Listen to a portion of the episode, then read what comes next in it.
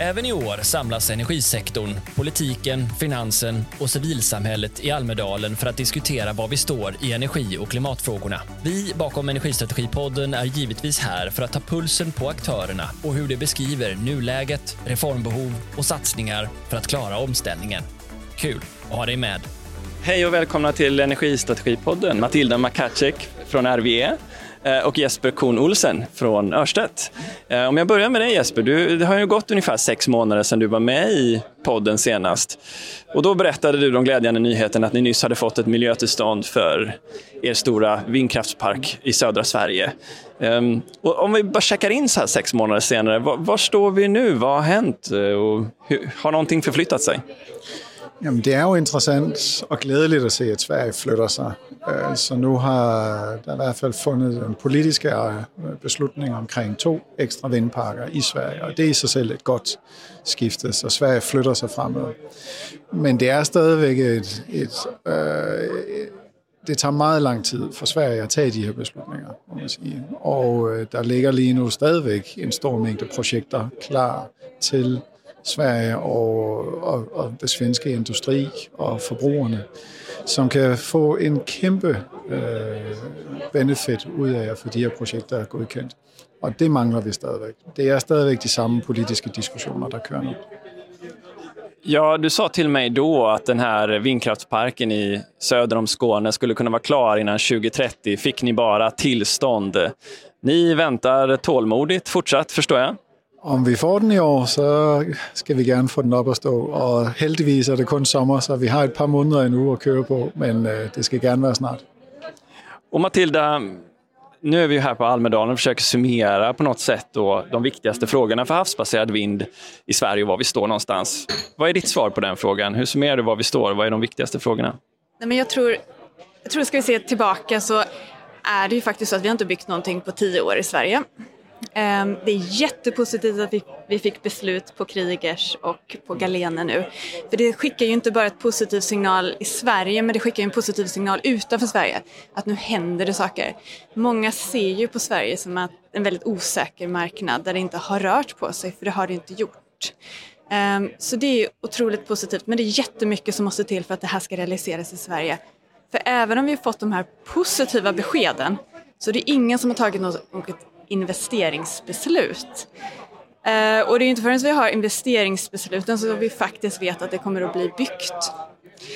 Och nu har vi, nu börjar det bli kort om tid. För ska vi ha den här produktionen innan 2030, mm. då ska vi ta investeringsbesluten ganska snart. Vi kan inte ta de besluten om vi inte har tillstånden på plats.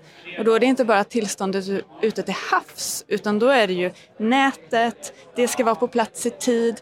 Det är väldigt många saker som ska hänga ihop här och det svenska systemet hänger ju inte ihop. Och det kan vi också se på att en del parker har eh, en, en väg till marknaden i nätet, men många projekt har ju inte det idag i Sverige. De skulle jag vilja säga, de är ju lite av en stranded asset. Det är ju ett projekt, även om du har tillstånd så kan du ju inte gå någonstans med elen. Så att då spelar det ingen roll att du har tillståndet. Du måste ha ett system där nätet hänger ihop med tillståndet på parken. Det är otroligt viktigt och jag tror att nu är det otroligt mycket som ska byggas runt om i Europa, i världen, vi har extrem konkurrens. Nu är det lite liksom, det är lite race med klockan här om vi ska hinna. Um, för, som vi också varit inne på tidigare här i Almedalen idag så var det ju det är inte bara att vi vill, vi vill bygga, det här är faktiskt industrin som behöver elen och de behöver den nu. Får de inte elen, då kommer de gå någon annanstans och då är det inte bra för Sverige som nation. Då förlorar vi jobb och vi förlorar vår konkurrenskraft och jag tror det är där jag börjar bli riktigt nervös nu, om jag ska vara helt ärlig, för Sverige. Eh, så jag vill verkligen se att man nu ser över systemet och får detta. Ja, vad tycker du dig få för typer av signaler? Energimyndigheten sammanfattade det här ju ganska tydligt. Man sa att man hade ett lapptäcke eh, till regelverk. Det saknades eh, otydligheter kring militären och fiskerättigheter. Och de la fram ganska många olika förslag. Och nu har regeringen till sig tillsatt en utredning för auktioner. Samtidigt så kommer nu då instruktionen till SVK om att man inte ska då bygga ut eh, nätet till havs. Hur tolkar du nuläget inom politiken? jag tänker ändå att det sista vi har sett nu från politiken är att man har visat handlingskraft. När man tog de här två besluten så gjorde man också avvägningar mot intressen och det är väldigt positivt för det är precis det vi måste göra. Vi kan inte ha massa olika myndigheter som har sina åsikter om ett projekt för någonstans måste vi ha en helhetssyn. Vad är bäst för Sverige och vad är det vi ska prioritera? Och det systemet vi har idag, det fungerar inte för vi har inte den koordinationen mellan myndigheterna och de olika intressena i de olika myndigheterna. Sen har vi också sett att myndigheter ändrar sig över tid i tillståndsprocesser, vilket gör det ännu svårare för oss att nå i mål i tillstånden. Så att det här är ju ett system som, eh, jag skulle säga att det, det fungerar inte som det är idag. Ja, som Matilda säger här, då, vi har fått eh, tillstånd på Galatea, Kriegers Rak som exempel. Samtidigt så pekar du på riskerna, vad det innebär att ingenting byggs och att det drar ut på tiden, antingen på grund av nätfrågan eller på grund av andra frågan. Kan du förklara för oss, vad, vad blir konsekvenserna av att det blir stillestånd även om man har fått ett tillstånd? Jesper? Jamen, altså, der er jo to dimensioner i det her. Den ene det er, at vi prøver egentlig at elektrificere hele Europa lige nu. Så Sverige er et marked, som er i konkurrence med resten af Europa for at få det her til at ske. Så om Sverige ikke er en, en sikker havn for offshore vind, og om vi ikke kan se, øh, at det her skrider fremad, jamen så vil investeringerne gå til andre lande. Og vi skal være opmærksomme på, at supply chain og komponenterne i det her, jamen de vil søge andre steder hen, hvis det ikke er sådan, Sverige kan, kan levere øh, stabilitet omkring det. Det er ret vigtigt at forstå, at de projekter her, vi bygger, de kigger en generation frem. De arbejder ikke i fire års valgcyklus. Så det er ekstremt vigtigt, at regeringen og de politiske partier sætter sig ned og så siger og bliver enige med hinanden, vil man det her, jamen så bliver man også nødt til at sætte sig nogle mål i Sverige og kigge fremad for at understøtte den her udbygning. For ellers, jamen så er det Tyskland, Holland, øh, resten af Europa, som kommer til at løbe med den her udbygning. Og så er det, som øh, der bliver sagt her, at jamen, så, så søger industrien anden sted hen. Ikke kun offshore, men også den industri, der ska aftage all den grønne strøm. Jag antar att den andra delen också handlar om teknikutveckling och flaskhalsar i, som, som dyker upp längs vägen som inte ser likadan ut när man började planera för projektet som när det är klart, som när det börjar byggas. Hur, hur ser det ut där? Jamen altså, vi spekulerer jo altid i, hvad det er for en mølle, der kommer. Fordi når det tager 5 til 10 år at få en tilladelse, så skal vi gætte på, hvad det er for en mølle eller et fundament, vi skal stille om 5-10 år.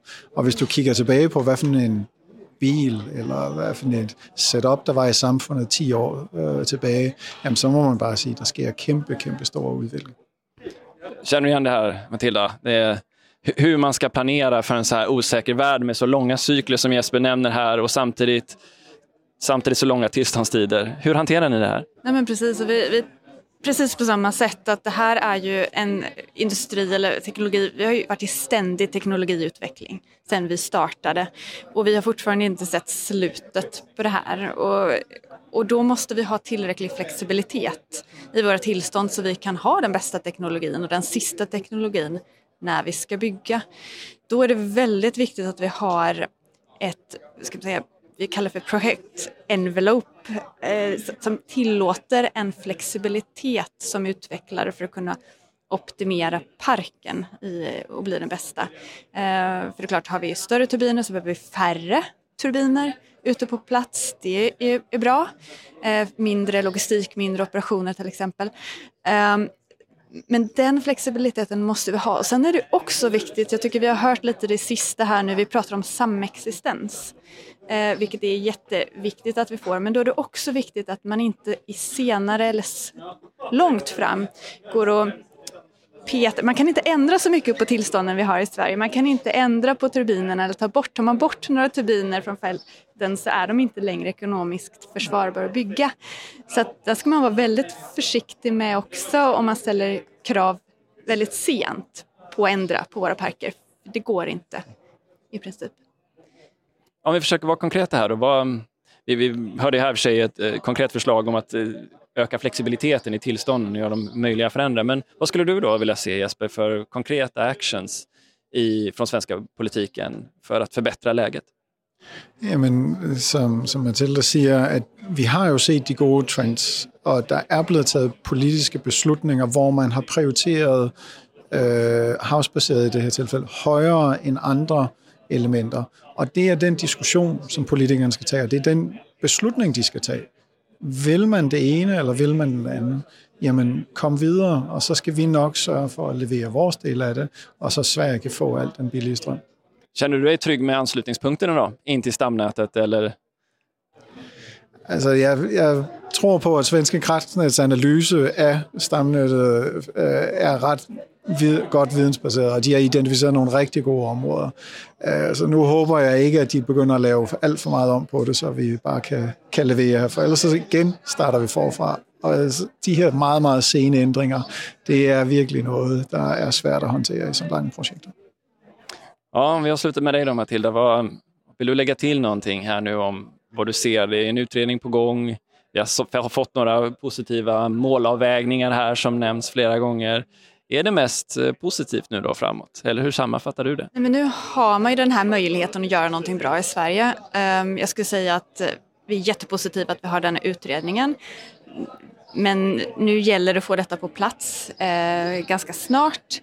Eh, göra någonting bra, se till att man har en slags också garanti från svenska sidan att det faktiskt blir byggt. För det finns inte i det svenska systemet idag.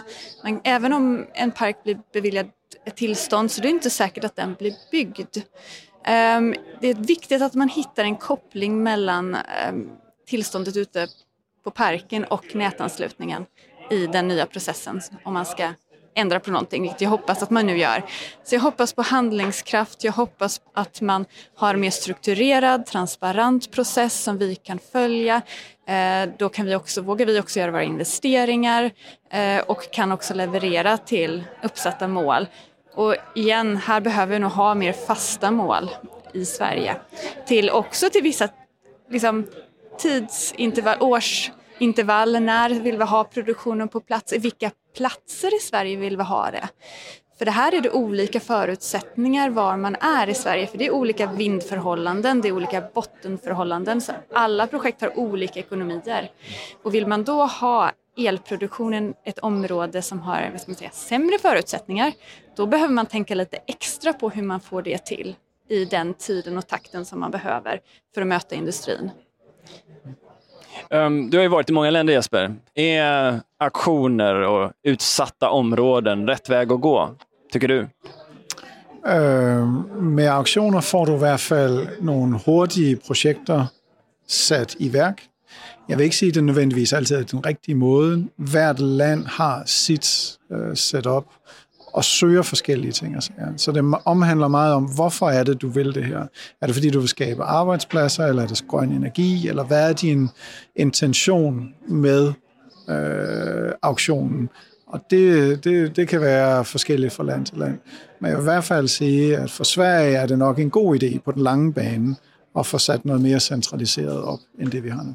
Ja, du nämnde ju hur svårt det var att bygga vindkraft i Frankrike en gång i tiden. Vi hade mognadsprocess och projekt som liksom inte blev byggda. Är det samma typ av mognadsprocess vi ser i Sverige nu, sett i, i ditt internationella perspektiv? Det är måske lite mycket att tror jag. Äh, øh, Frankrike, som sagt, alltså varje land har sitt unika problem och Frankrike är bestämt Frankrikes problem. Äh, øh, men det är något med det, Sverige lige nu, att möjligheterna är där. Industrin är klar, leverandørerne står klar, der er commitment og vilje. Om man ikke tager beslutningen nu, så kunne man godt risikere, at fokus bliver lagt på andre lande, fordi lige nu, som vi står her på Almedalen, så er der auktion i gang i Tyskland. Der kommer senere i år, begyndelsen af næste år i Holland, og næste år igen i Tyskland og Holland, og så kører det egentlig også bare derudad. Så Sverige har en risiko for, at den momentum, der er lige nu, den, øh, den forsvinder. Ja, här, det här hotet om att det finns eh, andra länder som är bättre att placera sina pengar i, det ju, kan ju vara oroväckande för Sverige. Hur ser det ut för RV eller era planer? Vad, vad hoppas ni på? Vi har ju hört Jespers här tidigare i podden, men hur ligger ni till med era planer, Matilda? Du tänker på Sverige? Ja. ja. men det är klart, vi ser, väldigt, vi ser Sverige som en attraktiv marknad. Det är ju väldigt stort potential. Vi är nära till Europa Europa. Eh, det är ju, har ju alla förutsättningar egentligen till att lyckas här i Sverige och vi har ju varit här ganska länge. Vi har en park i drift sedan tio år tillbaka så det är klart vi har ju varit här länge och vi har ju en del projekt som har varit i systemet jättelänge och vi, vi ger inte upp. Eh, vi är in it for the long run. Men det är klart att vi vill ju också se att det faktiskt går att bygga något mer i Sverige. Ehm, nu ser vi också faktiskt att resten av Norden eh, liksom steppar upp. Norge kommer igång nu med första aktionerna i år. Finland likaså, de har ju haft en men nu kommer de med fler. Eh, och Danmark har ju gått ut med ett jättestort historiskt paket om 9 gigawatt till 2030 plus 5 gigawatt i eh, optionality, vätgas eh, eller någonting annat i tillägg. Så att här, eh, här har vi lite att, att ta igen. Eh, men vi, vi, vi vill att det ska lyckas i Sverige.